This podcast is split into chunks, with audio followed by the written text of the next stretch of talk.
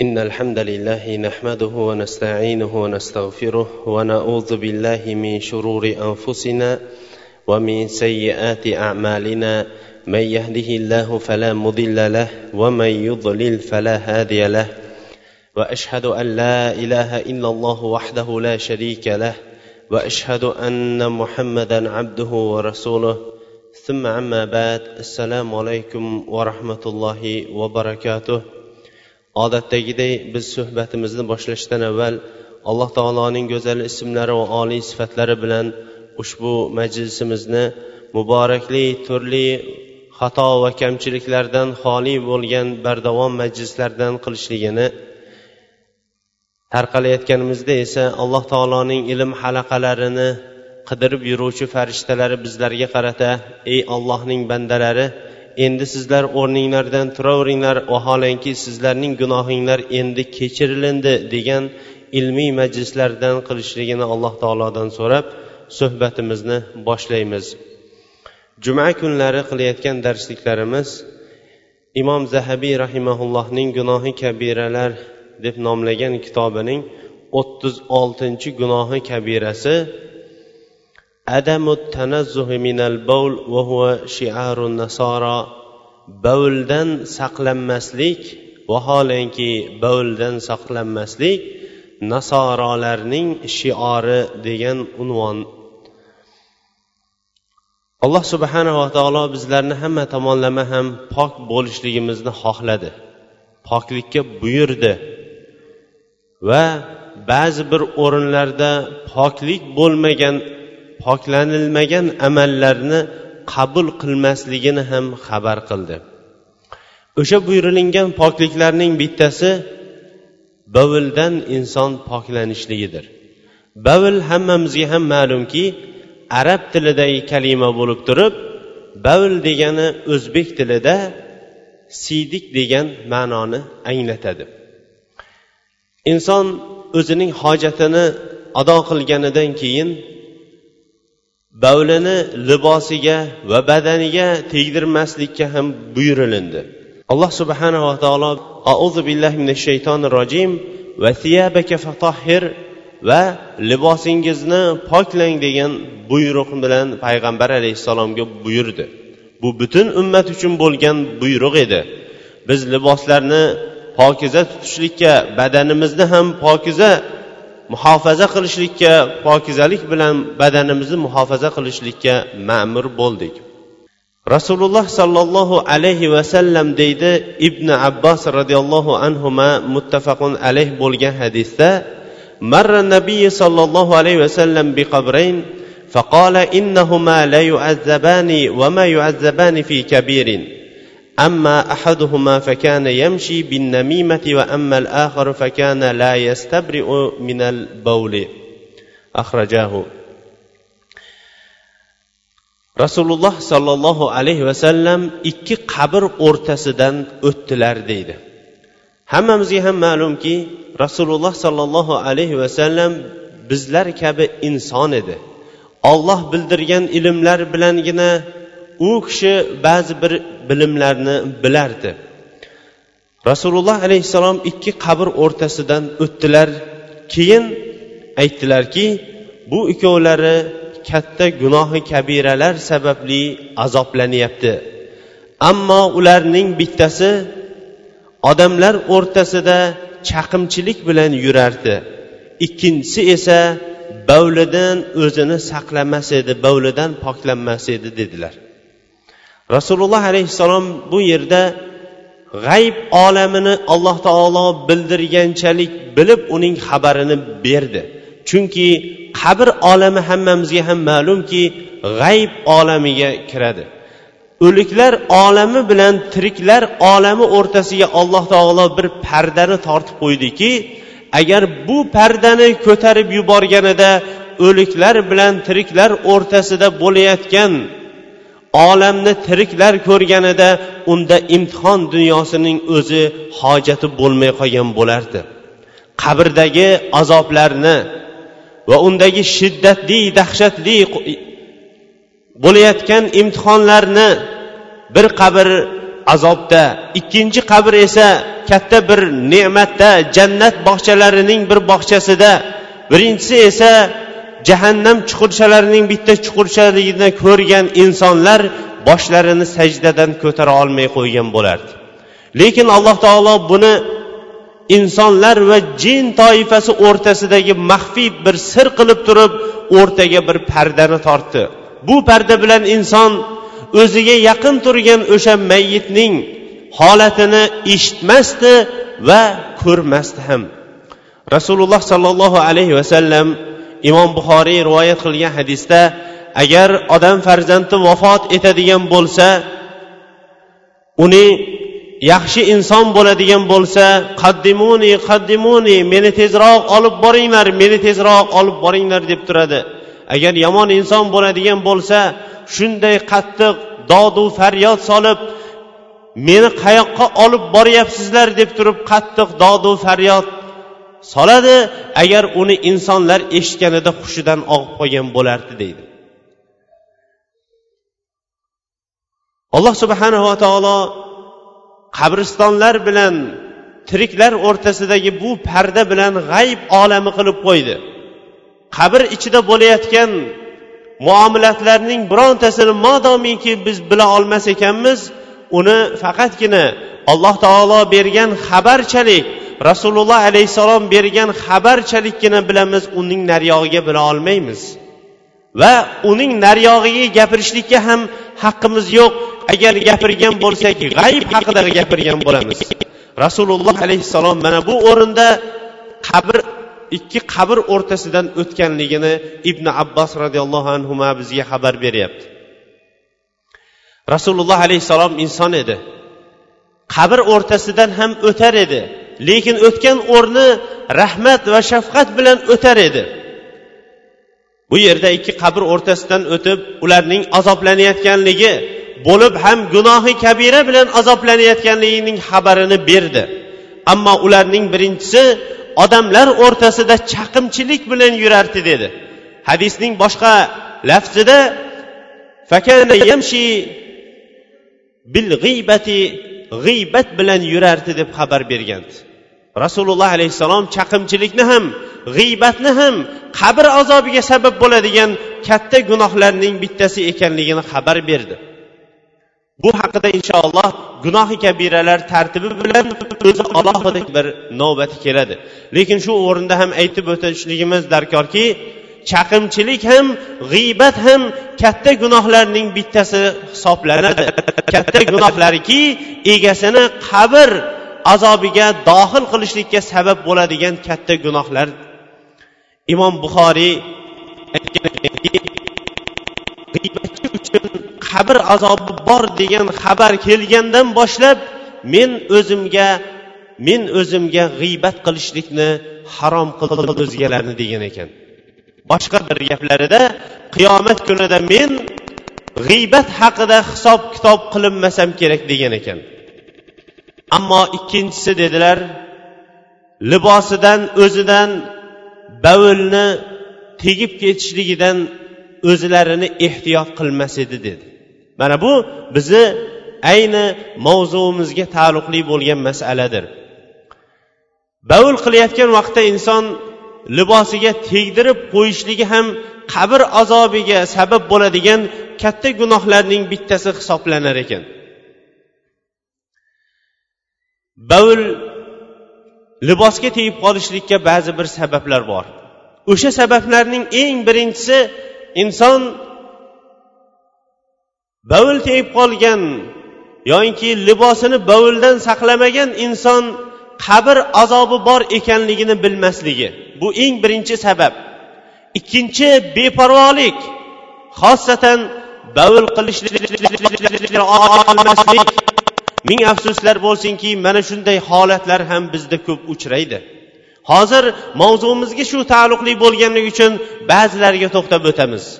O'sha ba'zilarining bittasi va birinchisi desak ham bo'ladi tik turgan holatda bavul qilishlik. Tik turgan holatda bavul qilishlik ham bavul qilishlik odoblariga yotmaydi.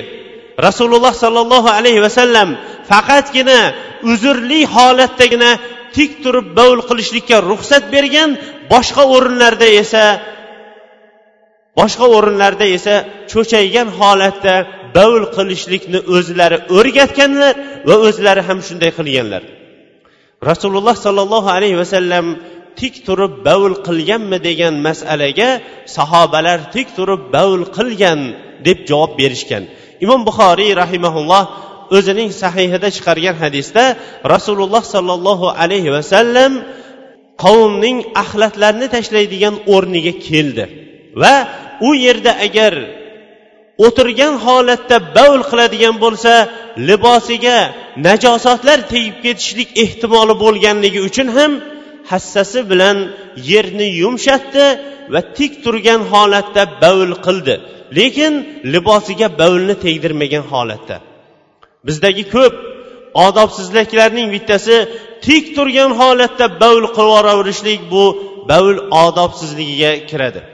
Ikkinchi bavl odobsizligiga kiradigan qaytarilgan amallarning bittasi bavl qilayotgan odam xoh tik turib xoh o'tirgan holda bavl qilayotgan odam o'zining avratini bekitishlikka harakat qilmaydi. Xossatan ko'proq jamoatchilik o'rinlarida ming afsuslar bo'lsinki ba'zan bir yig'inlar yoyinki bozorlarda biron bir chekkaga devorga o'zini yaqinlik qilgan hisoblaydidagin bavul qilib turib tezroq odamlarning oldidan bavul qilib ketib qolsam deb turib libosiga bavlini tegdirib qo'yganligini o'zi ham payqamay qoladi. Mana bu ham bavlda qilinadigan katta xatolarning bittasi hisoblanadi. Bavl qilayotgan odamning qilayotgan xatolarining yana bittasi bavl qilish asnosida libosiga tegdirib qo'yishlik masalasiga o'zini ehtiyot qilmaslik. Libosga tegdirib qo'yishlik agar inson o'zi bilib turadigan bo'lsa hammamizga ham ma'lumki bavl bu bir najosatdir. Alloh taolo libosingizni poklang xosatan namoz oldida inson libosini ham pok bo'lmoqligi kerakdir. Bavl tegib qo'ygan najas tegib qo'ygan libos bilan zaruratsiz namoz o'qishlikning o'zi ham shariatimizda qaytarilgandir. Rasululloh sollallohu alayhi vasallam keyingi hadisda hadisni ibn abi shayba ibn majja hokim va doriqutniylar rivoyat qilgan shayx albaniy rahimaulloh irvoyul g'alilda va boshqa kitoblarda sahih degan hadisida qola rasululloh sollallohu alayhi vasallam istanzihu minal bawli fa inna ammata azabal qabri minhu dedilar. Bavuldan saqlaninglar chunki qabrning asosiy azob qabrdagi asosiy azob bavl sabablidir dedi. Rasululloh sollallohu alayhi vasallam abu zar roziyallohu anhu aytmoqchi bizlarga hamma narsaning ilmidan xabar berdi. Abu zar roziyallohu anhu aytgan ediki rasululloh alayhissalom bizlarga hamma narsaning xabarini berdi. Hatto osmonda uchib turgan qushning qanot qoqishlik ilmini ham bizga o'rgatib ketdi degan edilar. Darhaqiqat rasululloh alayhissalom olamga rahmat etib jo'natilindi. Xabarlarining bittasi qabr azobidan asosiysi bavldandir bavldan saqlaninglar deb turib bizlarga vasiyat qilib ketgan edi. Shuning uchun ham biz payg'ambar alayhissalomning vasiyatini takrorlab turib aytamizki ey ummati muhammad bavuldan o'zingizni libosingizni saqlang chunki qabr azobining asosi bavuldan ekan. Rasululloh alayhissalom bizlarga buning xabarini bergan. Alloh subhanava taolo hammamizni ham bavul va bavul ofatlaridan olloh o'zi saqlasin. Imom zahabiy rahimaulloh tartiblashtirgan o'ttiz yettinchi gunohi kabira riyo. Riyo ham insondagi eng ulug' eng katta inson ofatiga va uning halokatiga sabab bo'ladigan salbiy xulqlardan bittasi desak bo'ladi. Chunki tarixga bir nazar soladigan bo'lsak iblisni osmondan farishtalar o'rtasidan hurmatli makondan hurmatli shaxslar bilan bo'lgan davradan balandlikdan pastga tushirishlikka va oxiratgacha la'nat tamg'asi uning boshiga bosilishligiga va allohning rahmatidan dariq bo'lishligiga sabab bo'lgan amal ham riyo emasmi? Fir'avnning ollohdan oyat va mo'jizalar kelib turgan vaqtida ollohning elchisiga itoat qilmaganligi va bu elchi olib kelgan risolatga iymon keltirmaganligining sababi ham riyo emasmi? Abu lahabning rasululloh sollallohu alayhi vasallamning mo'jizalarini ko'rib turib u zotning hayotida biron bir marta yolg'on hayotida bo'lmagan yolg'onni ham bilmagan muhammad amin laqabini olgan sollallohu alayhi vasallamga iymon keltirmasligining sababi ham riyo emasmi? Tarixda qancha qancha o'z qavmlarida riyo va kibr bilan yurgan insonlar ollohning elchilari yoyinki elchilarining xabarlarini olib keladigan shaxslar kelgan vaqtda bu yalang oyoqlar aytayotgan gap deb turib ularga riyo bilan iymon keltirmasligining o'zi ham ularning oxir oqibati jahannam bo'lishligiga sabab bo'lgan riyo emasmi? Riyo shunday bir insonlardagi eng badbaxt bir xulqki insonni agarchi o'zi baland o'rinlarda turibman deb davo qilsa ham uni tubanlikka tortib yuboradigan tuban bir pastkash razil bir xulqdir. Shuning uchun ham salaf solihlarning bittasi aytgan ekan o'ttiz yildan buyon qalbimdagi riyo bilan kurashaman. Qachon riyoni o'ltirdim deydigan bo'lsam u go'yoinki qalbimga o'rnashib olgan qalbimdan o'sadiganday bir rang bilan o'lsa ikkinchi rang bilan tirilaverdi degan ekan.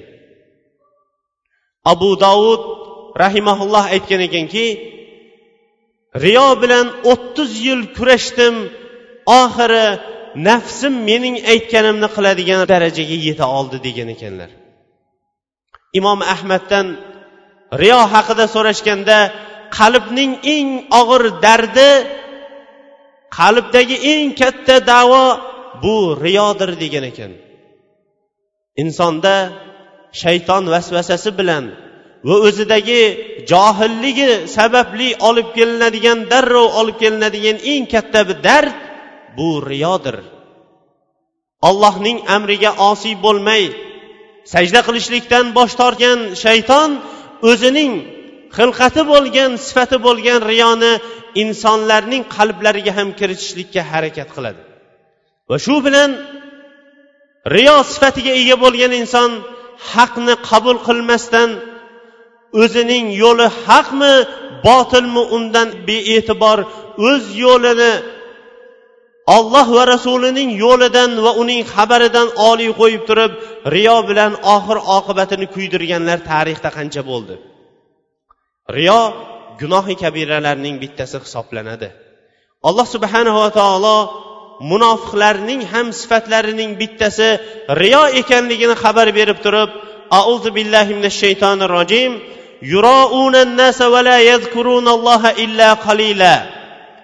ular qilgan amallarining hammalarini insonlarga ko'rsatishlikka harakat qilishadi. Namozni ham insonlarga ko'rsatib o'qiydi qilayotgan xayr ehson sadaqalarni ham insonlar bilib qo'ysin deydi va hokazo. Alloh taoloni nihoyatda kam yod etadilar. أعوذ بالله من الشيطان الرجيم فويل للمصلين الذين هم عن صلاتهم ساهون الذين هم يراءون ويمنعون alloh subhanava taolo mana bu o'rinda namozlarida beparvo bo'layotgan namozxonlarning hollariga vayl bo'lsin.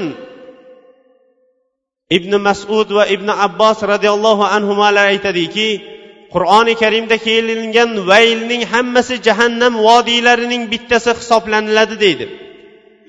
Namozxon lekin namozlarida beparvo bo'lgan namozxonlarning hollariga voyil bo'lsin. Ular qilayotgan toat ibodatlarini insonlarga ko'z ko'rona qilib insonlarga ko'rsatardi riyo bilan amal qilardi. Va xo'jalikda ishlatiladigan oddiy asbob uskuna buyumlarni qo'ni qo'shnilarga berishlikdan ham bosh tortadigan namozxonlarning hollariga vayl jahannam bo'lsin deydi. Alloh subhanava taolo riyo va xo'ja ko'rsinlik insonlar eshitib qo'ysin insonlar ko'rib qo'ysin maqsadi bilan qilinayotgan amallar amalni egasiga butunlay yo'q qilib yuborishligini xabar berib turib auzu billahi minash shaytonir rojim. يا أيها الذين آمنوا لا تبطلوا صدقاتكم بالمن والأذى كالذي ينفق ماله رئاء الناس ey iymon keltirgan kishilar deydi. Ibn abbos roziyallohu anhu aytadiki qur'oni karimning qaysi bir o'rnida ey iymon keltirgan kishilar degan xitob buyruq bo'ladigan bo'lsa uni darrov tinglang quloq soling chunki unda bir yaxshilik borki alloh taolo buyurayotgan yoyinki biron bir yomonlik borki alloh taolo undan qaytarayotgan. Mana bu o'rin ham iymon egalariga qilinayotgan xitob. Ey iymon keltirgan kishilar sizlar qilayotgan xayr ehson sadaqanglarni minnat va aziyat bilan behuda botil qilib yubormanglar. Go'yoyinki insonlar ko'rib qo'ysin deb infoq qilayotgan insonga o'xshash deydi. Minnat va aziyatni alloh taolo insonlar ko'rib qo'ysin deb qilayotgan riyo egalariga o'xshash qilib qo'ydi. Vaholanki xayr ehson sadaqalarning hammasini ham hamma o'rinda ham maxfiy qilishlikka buyurilingan faqatgina bitta o'rindagina oshkor qilishlikka shariatimiz ruxsat bergan.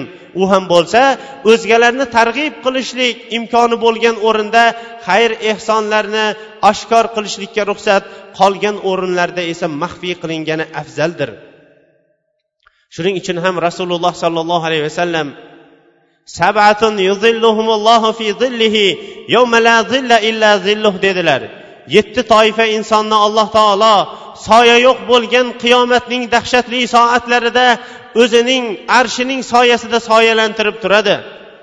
O'sha yetti toifaning bittasi o'ng qo'li bilan qilgan sadaqasini chap qo'liga ham bildirmaydigan muhsin deb xabar berdilar. Riyo katta bir darddir va riyoning aksi esa ixlos hisoblanadi. Ba'zan insonlarga tushuntirish odoblarida olimlarimiz alloh ularni o'z rahmatiga olsin ba'zi bir amallarni aksi bilan tushuntirishlik ham insonlarga tushunchasi kengroq bo'lishlikka sabab bo'ladi deydi. Shariatimiz buyurgan amallarning eng birinchisi ixlosdir. Xolis ollohning o'zigagina ibodat qilishlik va unga biron bir narsani sherik keltirmaslikdir. Ikkinchi amallarning qabul bo'lish shartining ikkinchisi o'sha qilinayotgan amal qur'on va sunnatga muvofiq bo'lmoqligidir. Rasululloh sollallohu alayhi vasallam ibn umar roziyallohu anhudan rivoyat qilingan hadisda بينما ثلاثة نفر ممن كان قبلكم يمشون فأصابهم مطر فأووا إلى غار فانطبق عليهم فقال بعضهم لبعض إنه والله يا هؤلاء لا ينجيكم إلا الصدق. الحديث. vaqtimiz ko'p yetmaydiganligi uchun ham arabchasini o'qimasdan to'g'rima to'g'ri tarjimasini aytib ketamiz rasululloh sollallohu alayhi vasallam aytdiki sizlardan avvalgi ummatlarda uch kishi safarga chiqdi.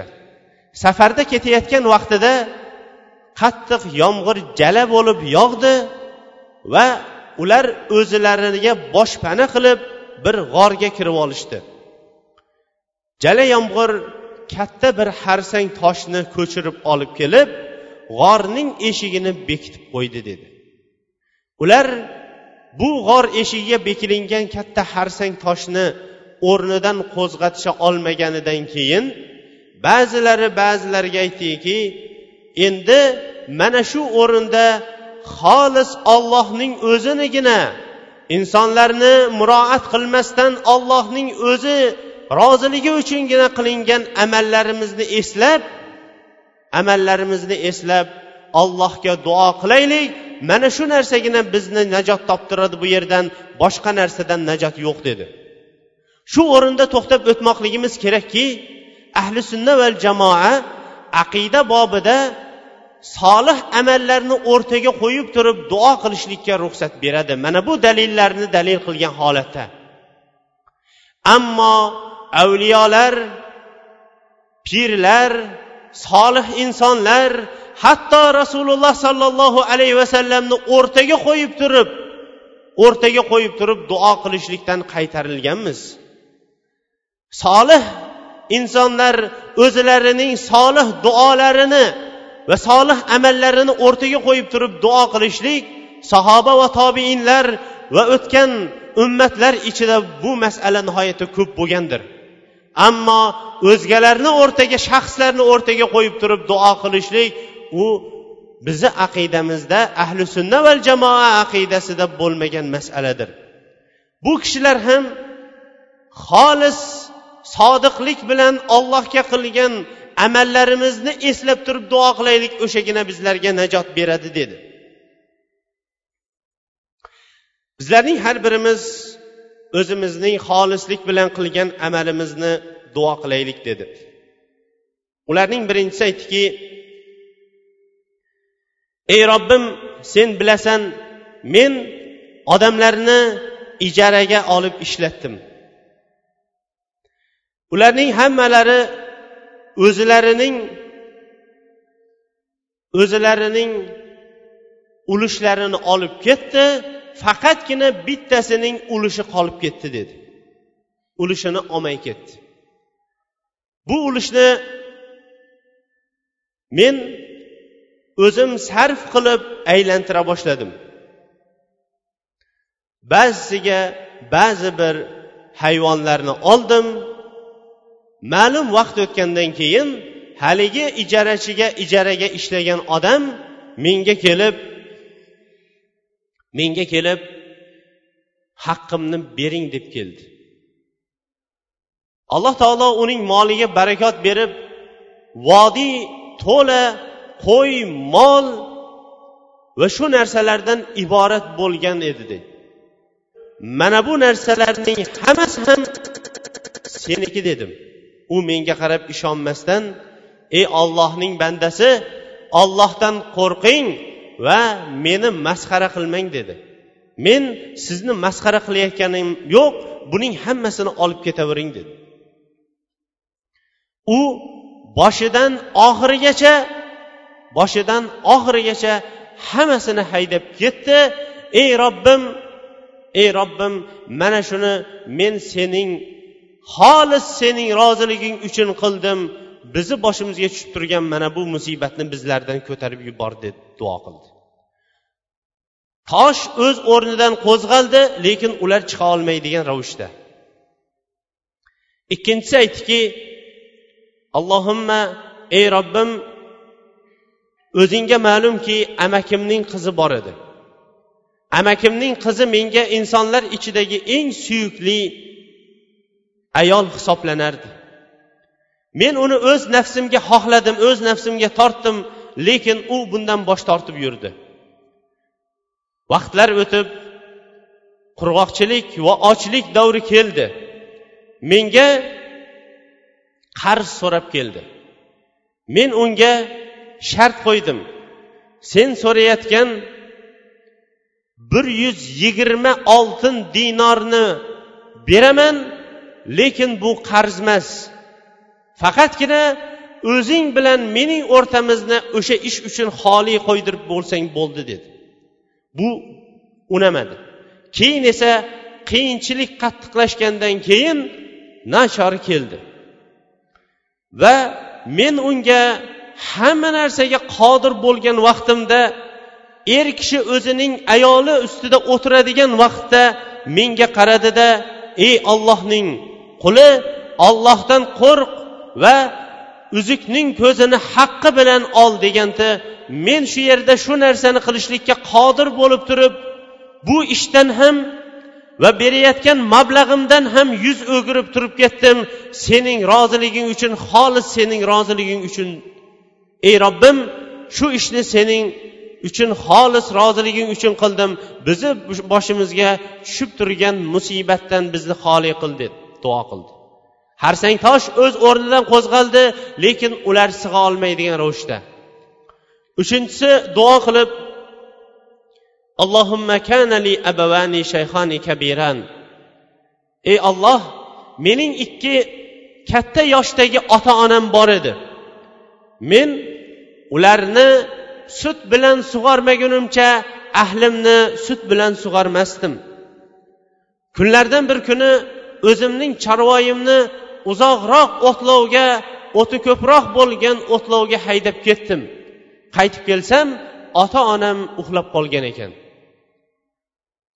Tuya sigirlarni sog'ib bo'lib eng birinchi taqdim qiladigan shaxslarim ota onam bo'lsin deb ularning boshiga kelib turdim. Va ularni uyg'otmadim ham bezovta qilmadim ham. Va ular uyg'onguncha turdim.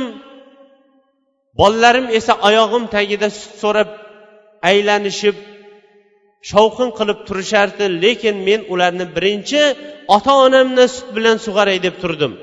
Ota onam turganlaridan keyin to turgunicha boshida sutni ko'tarib turdim. Turganlaridan keyin ota onamni sut bilan sug'orib keyin farzandlarimga sutni berdim. Ey robbim mana shu amalni xolis sen uchun qildim.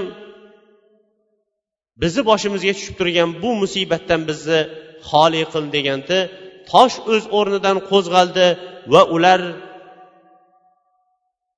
yo'llariga tushib safarini davom ettirib ketdi dedi. Rasululloh sollallohu alayhi vasallam mana bu hadis bilan xolis qilingan amal insonlarning najotiga sabab bo'ladigan nafaqat dunyodagi najot balki ularning dunyo va oxiratdagi najotiga sabab bo'ladigan buyuk amal ekanligini bayon qildi. Abi firos roziyallohu anhu rivoyat qilgan hadisda نادى رجل فقال يا رسول الله ما الإيمان قال الإخلاص رسول الله صلى الله عليه وسلم دن بركش يا رسول الله iymon nima deganda ixlos deb javob berdi.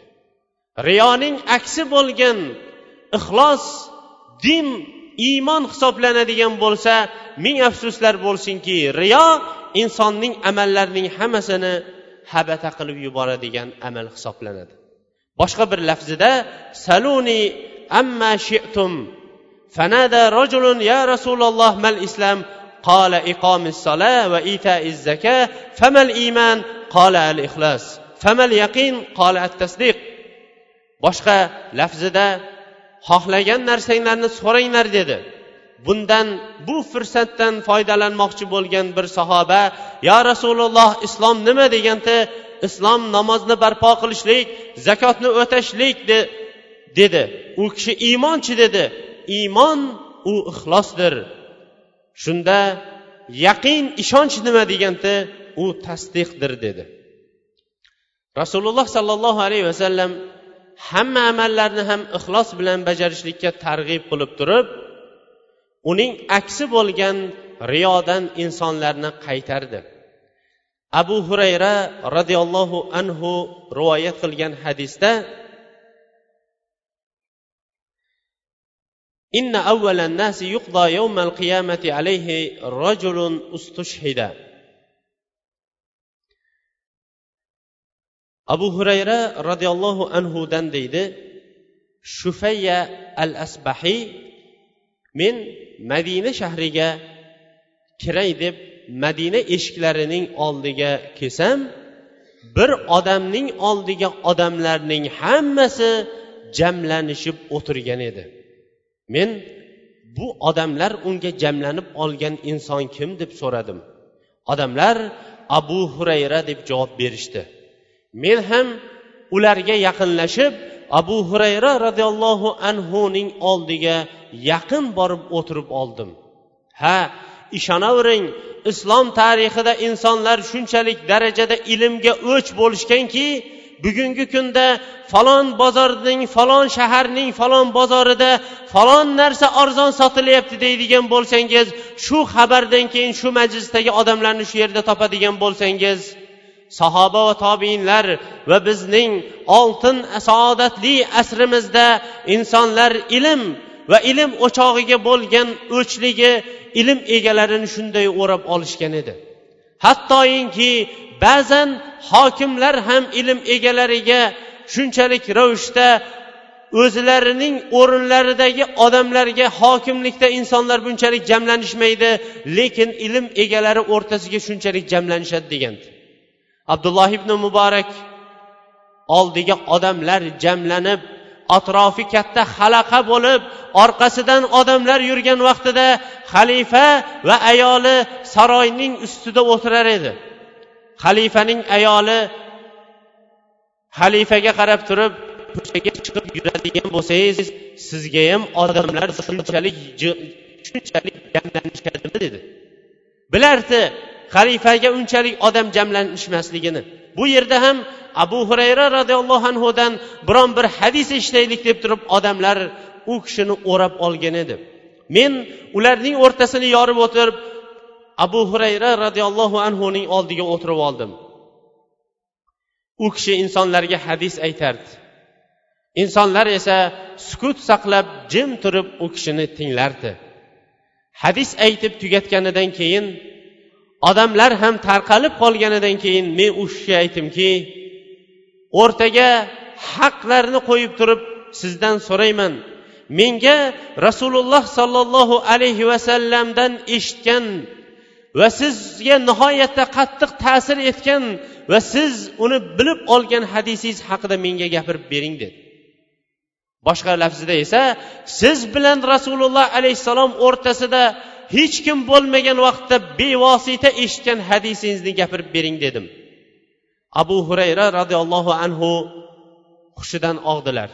Ozginadan keyin o'ziga keldi va aytdiki men sizga rasululloh sollallohu alayhi vasallam menga aytgan hadisni aytaman.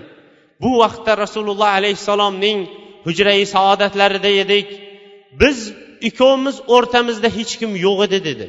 So'ngra yana hushidan ketdi. O'ziga kelgandan keyin yana shu gapni takrorladi.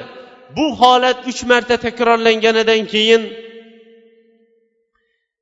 men sizga o'sha hadisni aytay dedi. Alloh tabaraka va taolo qiyomat kunida bandalarining o'rtasida hisob kitob qilishlik uchun hisob kitob maydoniga tushadi. Hamma ummat ko'zlari tik turgan holatda holim nima bo'lar ekan deb turib holim nima bo'lar ekan deb turib qarab turgan vaqti bo'ladi. Qur'onni jamlagan olloh yo'lida o'ltirilingan ko'p mol berilingan inson olib kelinadi. Bu uch toifa inson olib kelinadi. Alloh subhanava taolo qoriga sizga elchimga tushirgan qur'onni o'rgatmadimmi deydi. U kishi bale ya rab o'rgatding deydi. Bunga qanday amal qildingiz va bilganingizni qanday o'rgatdingiz deydi. U kishi men kechayu kunduz qur'onni o'qishlik va o'rgatishlik bilan ovora bo'ldim. Alloh taolo shunda aytar ekanki yolg'on aytibsan. Ortda turgan saf saf tortib turgan farishtalar ham yolg'on aytibsan. Balki sen deydi ekan alloh taolo. Odamlar falonchi nihoyatda chiroyli qur'on o'qiydigan qori deyishlik uchun kechayu kunduz qur'onni o'qiding va insonlar seni shunday maqtashdi niyatingga yarasha mukofotingni olib bo'lding. Bizni oldimizda sen uchun nasiba yo'qdir jahannamga uloqtirilar ekan. Keyin esa ko'p molu davlat berilingan inson olib keriladi. Alloh subhanava taolo unga senga mollarni keng qilib molu davlatni bermadimmi? Hatto sen hayotingda biron bir inson uchun hojating tushmaydigan ravishdagi molu davlatni keng qilib bermadimmi? deydi. Bu kishi balay ey rob berding deydi. Bermading deyishlikka imkon ham yo'q. Bu kunda olloh bilan bevosita ortda farishtalar va insonlarning hammasi guvoh bo'lib turgan qiyomatning dahshatli soatidir. Bu kunda tillar ham qo'llar ham a'zolar ham insonning o'zining ixtiyorida emas. Allohning buyrug'i bilan insonning o'ziga qarshi zarariga qarshi hujjat ko'taradigan vaqt bo'ladi. Yolg'on gapirishlikka ham tan olmaslikka ham imkon bo'lmaydigan o'rindir. Alloh taolo unga senga berilgan bu molu davlatdan nimaga amal qilding? desa u qarindosh urug'larim bilan shu molu davlatimga bilan bog'lanardim ularga yordam berardim va shu sen bergan molu davlat bilan xayr ehson sadaqa qilardim deydi. Bularning hammasini sening roziliging uchun qilardim deyapti. Shunda alloh taolo kazabda yolg'on aytyapsan ortdagi farishtalar ham yolg'on aytyapsan deydi. Alloh taolo aytadiki balki sen odamlar falonchi sahiy falonchi nihoyatda xotamtoy deyishlik uchun shu amalni qilding va shu niyatingga yarasha odamlar seni maqtadi dunyoda o'zingning niyatingga yarasha mukofotingni olib bo'lding. Endi bizni huzurimizda senga hech narsa yo'q deb turib uni ham jahannamga uloqtirilar ekan. Keyin esa ollohning yo'lida shahid bo'lib qatl qilingan odamlar ko'zida shahid bo'lib qatl qilingan inson keltiriladi. Unga ham nima uchun qatl qilinding deb so'ralganda u ey robbim sen meni o'zingning yo'lingda jihod qilishlikka buyurding. Men sen uchun urushdim hatto qatl qilindim desa alloh taolo aytar ekan yolg'on aytyapsan farishtalar ham yolg'on aytyapsan deydi. Alloh taolo aytar ekanki balki sen falonchi botir qo'rqmas deyishlik uchun odamlar maqtashlik uchun urushding va qatl ham qilinding va odamlar oldida o'zingning niyatingga yarasha mukofotingni olib bo'lding va bizni oldimizda sening nasibang endi yo'q deb turib uni ham jahannamga uloqtirilar ekan.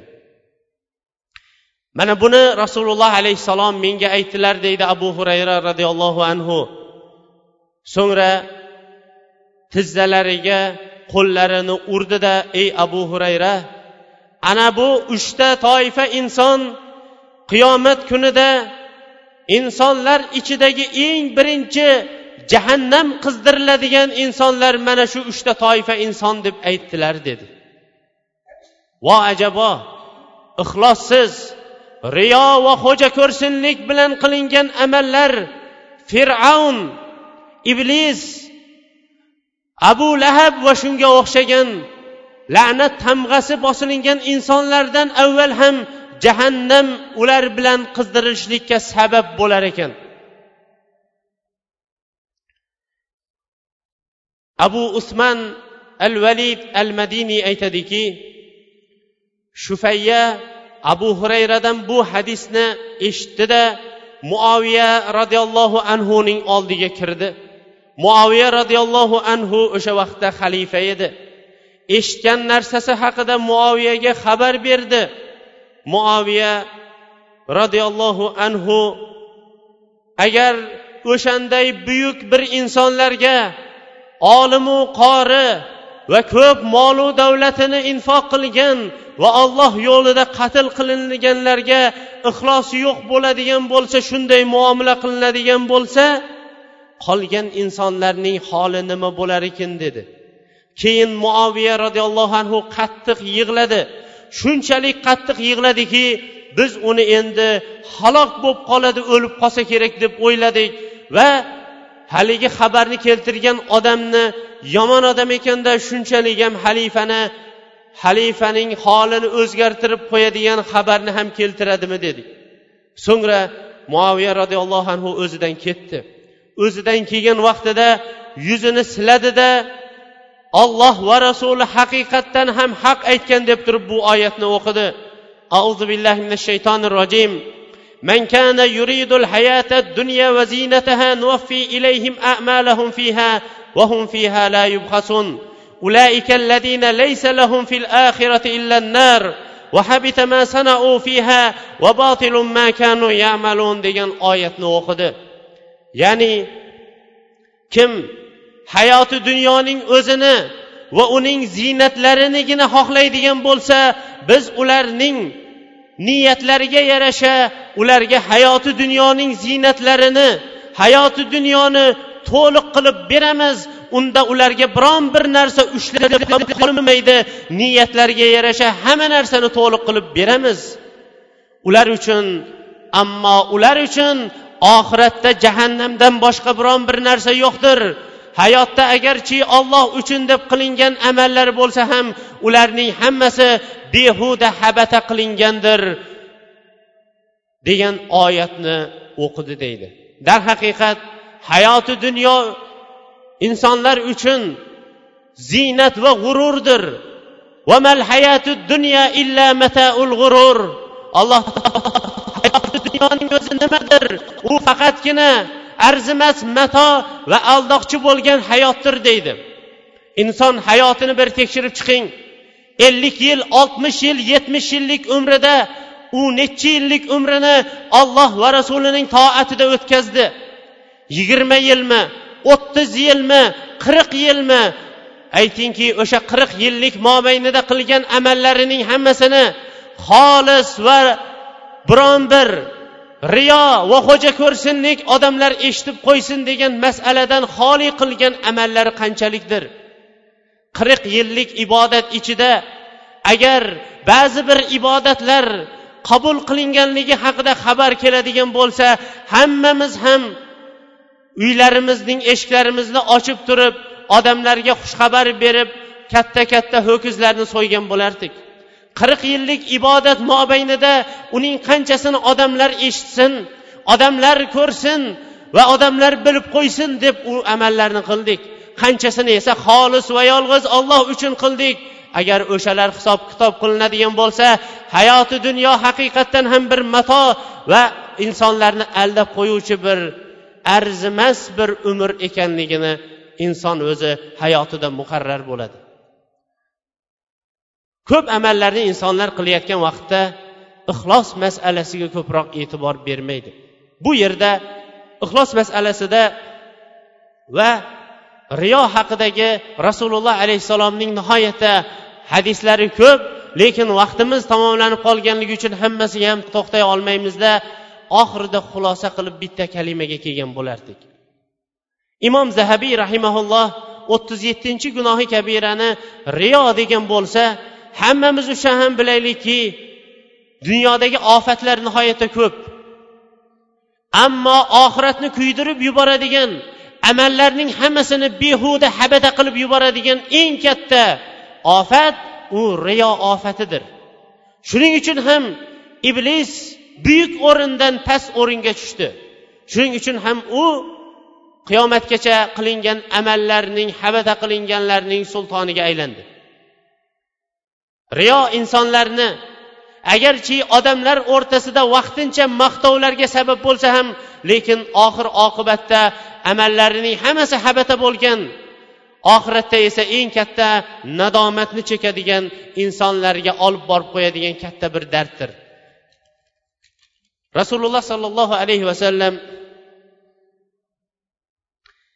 duolarida riyodan ham saqlanishlikdan duo qilardi shuning uchun ham biz alloh taoloning go'zal ismlari va oliy sifatlari bilan hammamizni ham riyo xo'ja ko'rsinlik odamlar eshitib qo'ysin bilib qo'ysin degan illatlarni qilishlikda olloh o'zi shunday illatlardan saqlashligini alloh taolodan so'rab qolamiz. Va to o'ziga yetgunimizcha qilgan amallarimizda alloh taolo qilayotgan amallarimizni xolis va yolg'iz o'zi uchun qilishlikka alloh o'zi tavfiq bersin. إن الحمد لله نحمده ونستعينه ونستغفره ونعوذ بالله من شرور أنفسنا ومن سيئات أعمالنا من يهده الله فلا مضل له ومن يضلل فلا هادي له واشهد ان لا اله الا الله وحده لا شريك له واشهد ان محمدا عبده ورسوله أعوذ بالله من الشيطان الرجيم. يا أيها الناس اتقوا الله حق تقاته ولا تموتن إلا وأنتم مسلمون. أعوذ بالله من الشيطان الرجيم. يا أيها الناس اتقوا الله وقولوا قولا سديدا. يصلح لكم أعمالكم ويغفر لكم ذنوبكم. ومن يطع الله ورسوله فقد فاز فوزا عظيما. أعوذ بالله من الشيطان الرجيم. يا أيها الناس اتقوا ربكم الذي خلقكم من نفس واحدة وخلق منها زوجها وبث منهما رجالا كثيرا ونساء واتقوا الله الذي تساءلون به والأرحام إن الله كان عليكم رقيبا. ثم أما بعد رسول الله صلى الله عليه وسلم ummati ustida bizni ustimizdan qo'rqdilar. Nihoyatda ko'p o'rinlarda qo'rqdilar. O'sha qo'rqqan o'rinlarning bittasi turli vabo va ofatlardan qo'rqdilar. O'rtamizda turli firqa firqa bo'lib ketishligimizdan qo'rqdilar. Va o'sha qo'rqqan amallarining bittasi bizni amallarimizni habata va behuda qilib yuboradigan riyo amalidan qo'rqdilar. Rasululloh alayhissalom sizlarning ustingizda qattiq qo'rqadigan amalim maxfiy shirkdir dedi. Maxfiy shirk nima deb so'raganda riyodir dedi. Boshqa bir hadisda esa rasululloh alayhissalom riyo insonlarning qalbida va amalida qop qorong'i kechada qop qora bo'lgan toshning ustidagi qop qora chumoli kabi insonlarning amallari va qalblariga gaplariga aralashib ketishligi muqarrar ekanligini xabarini berdi. Shuning uchun ham o'tgan sahoba va tobiinlardan iborat bo'lgan bizni tariximiz ustuni va namunasi bo'lgan shaxslar har bir amallarida amallari xolis va yolg'iz olloh uchun bo'lyaptimi? Yoyinki insonlar ko'rib eshitib qo'yishlik uchun bo'lyaptimi? degan masalada o'zlarini qattiq imtihon qilishdi. Ba'zilari o'zlari ustida o'ttiz yil ba'zilari qirq yil ba'zilari esa umrlarining oxirigacha bu amallarini xolis va yolg'iz olloh uchun qilishlikda ular harakat qilishdi. Sufyani savriy rahimaulloh aytgan ekanki men uchun kurashishlikda eng og'ir bo'lgan masala u riyo masalasi bo'ldi. Chunki qachon men biron bir hadisni xolis olloh uchun aytay desam menga turli hayollar va riyo ofatlari kela boshladi. Demak bitta hadisni aytishlik uchun inson bir necha marta o'zining niyatini to'g'irlab olmoqligi kerak ekan degan ekanlar. Riyo amallarni habata qilib behuda qilib yuboradi degan masalada alloh o'zini rahmatiga olsin olimlarimiz bizlar uchun qaysi bir riyo amallarni habata qilib yuboradi qaysi bir o'rinda esa habata qilmasligini ham xabarini bergan ekan. Olimlarimiz aytgan ekanki agar amalning boshi xolis va yolg'iz olloh uchun bo'ladigan bo'lsa va shu xolis va yolg'iz olloh uchun bo'lib amal yakunlanadigan bo'lsa bu olloh dargohida inshaalloh amalda sunnat ham topiladigan bo'lsa bu olloh dargohida qabul bo'ladigan amaldir. Ammo amalning boshi riyo bilan xo'ja ko'rsinlik bilan boshlanadigan bo'lsa bu boshi bilan oxirigacha qabul bo'lmaydigan amaldir. Ammo bir inson amal qilayotgan vaqtida yoki amalga kirishgan vaqtida xolis niyat bilan boshladi lekin keyin keyin unga odamlar ham ko'rib qo'ysin eshitib qo'ysin degan masala ko'tarildi. Unga riyo shubhasi kirgan vaqtida riyo bilan kurashadigan bo'lsa bu ham qabul bo'ladigan amallardan ekan.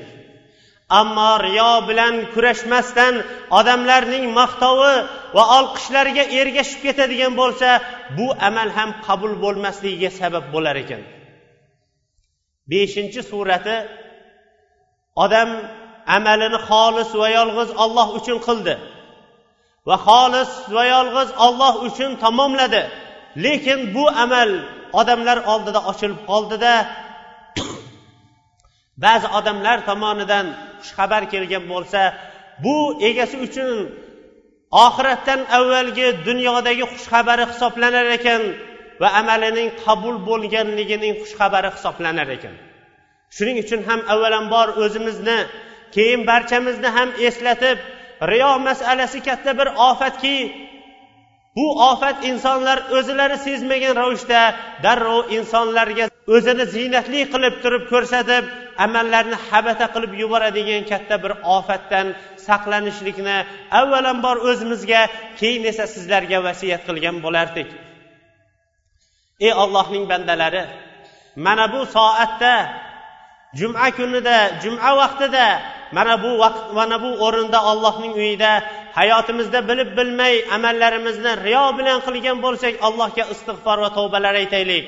Ajabmaski alloh taolo istig'for va tavbalarimizni qabul qilib hayotimizning qolganida xolis va yolg'iz riyo xo'ja ko'rsinlik odamlar eshitsinlik degan masaladan xoli bo'lgan holda xolis va yolg'iz allohning o'ziga ibodat qilishligimizga alloh o'zi tavfiq bersa.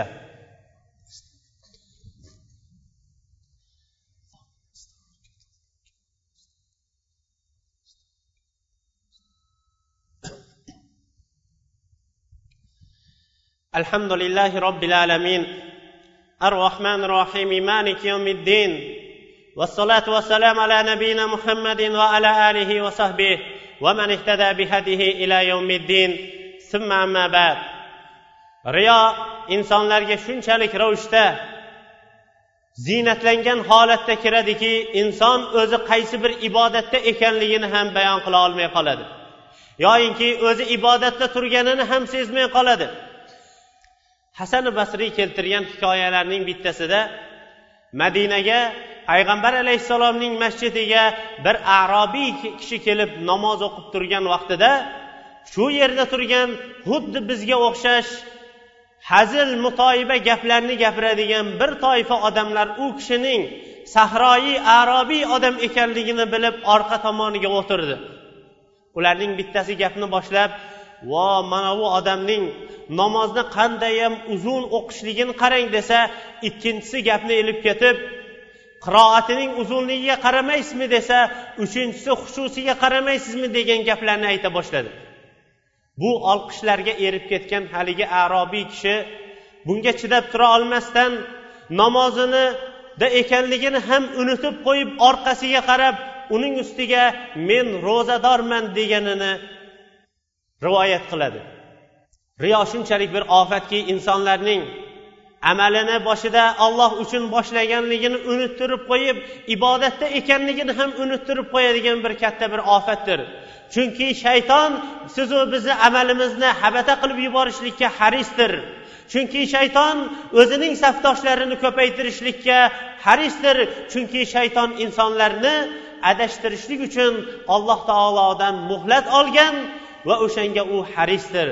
Alloh taoloning go'zal ismlari va oliy sifatlari bilan hammamizning amallarimizni xolis va yolg'iz o'zi uchun qilishlikka allohdan tavfiq so'raymiz. Alloh taolo va farishtalar payg'ambar alayhissalomga salovat aytadi. Allohning salovat aytishligi malail alada payg'ambar alayhissalomni maqtashligi va darajasini ko'tarishligidir. mana bu kunda payg'ambar alayhissalom o'ziga ko'proq salotu salomlar yo'llashlikni bizlarga buyurgan. Innalloha va malaikatahu yusalluna ala nabiy ya ayyuhallazina amanu sallu alayhi va sallimu taslima. Allohumma salli ala muhammad va ala ali muhammad. Kama sallaita ala ibrohim va ala ali ibrohim innaka hamidum majid. اللهم بارك على محمد وعلى ال محمد كما باركت على ابراهيم وعلى ال ابراهيم انك حميد مجيد اللهم اعز الاسلام والمسلمين وأذل الشرك والمشركين واحمي حوزة الدين. اللهم أعز الإسلام والمسلمين. اللهم أعز الإسلام والمسلمين. اللهم أعز الإسلام والمسلمين. اللهم اشف مرضانا ومرضى المسلمين. اللهم اشف مرضانا ومرضى المسلمين. اللهم اشف مرضانا ومرضى المسلمين. واقض الدين عن المدينين. واقض الدين عن المدينين. اللهم اهدنا واهد بنا. اللهم اهدنا واهد بنا. اللهم اجعلنا هاديا ومهديا ومباركا أينما كنا. اللهم اجعلنا هاديا ومهديا ومباركا أينما كنا. اللهم احفظنا واسترنا من جميع البلاء والقضاء. اللهم استرنا من جميع البلاء والآفات. اللهم استرنا من جميع البلايا والآفات. إنك ولي ذلك والقادر عليه.